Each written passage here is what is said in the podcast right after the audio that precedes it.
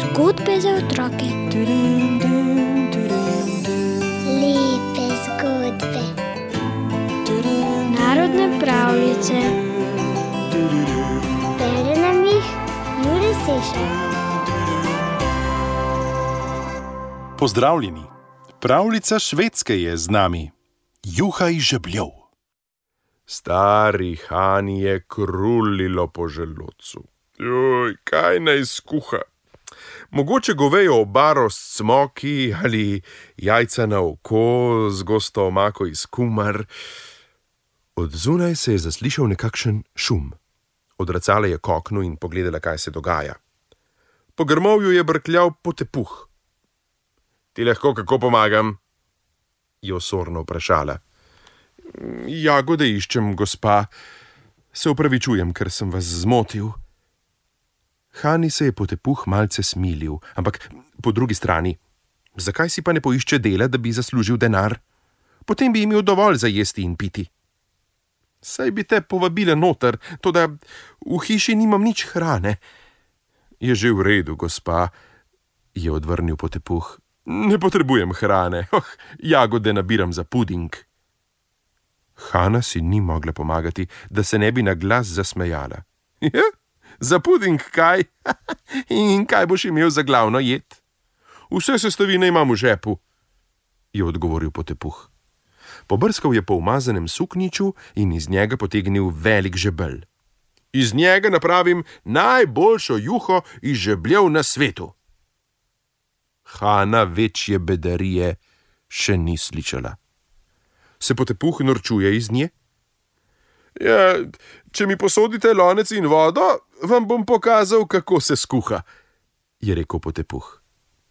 Starka je prinesla lonec z vodo. Naredi, kar ti reče, si je mislila. Juha je žebljev, kako prikladno, res, za lase privlečeno.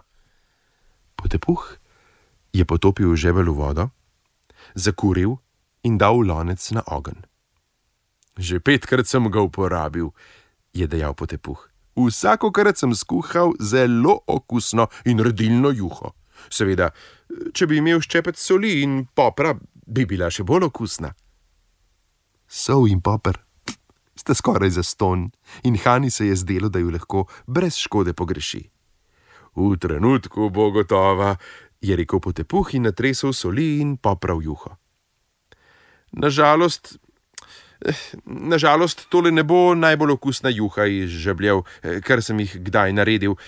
Žebelj sem že petkrat uporabil, zato njegov okus ni več tako močan. Veste, če bi imel pest moke, da bi juho zgostil, Hani je nekaj moke ostalo od pečenja peciva.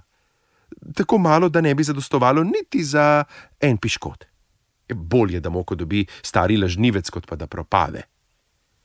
In prinesla je moko iz žaklja. Potepuh jo je stresel v juho in pomešal. Zdaj je iz lonca malce zadišalo, po pravici povedano. Ni dišalo najbolj omamno, vendar kljub temu zanimivo. Juha bi bila še bolj okusna, če bi dal vanjo košček govedine in nekaj krompirja, je dejal potepuh.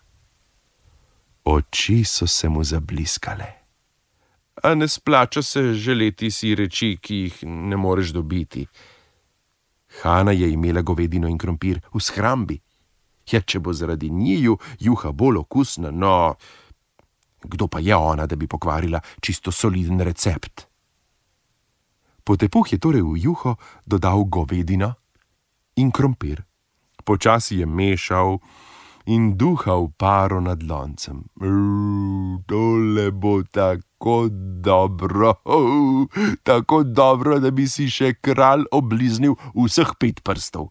Tudi, tudi kralj bi dodal še smetano. Hanna je takoj skočila na noge. Nekaj smetane je imela spravljene, da bi možu spekla palačinke. Tukaj le je, je rekla, in smetano kar sama zlila v lonec. In zdaj je otroci iz lonca res božansko zadišalo. Potepuh je žlico zajel kanec juhe, jo popihal in pokusil. Mm, izjemno. Starka je bila zadovoljna. Povabila je potepuha v hišo in pogrnila mizo. Juho je postregla v najboljših jušnih krožnikih, prinesla je celo steklenico vina in kolač za posladek. Božansko, je rekla in se pohlepno basala s hrano. Kdo bi si mislil, da lahko iz enega samega žeblja narediš tako okusno juho? Jej, jej, jej, jej.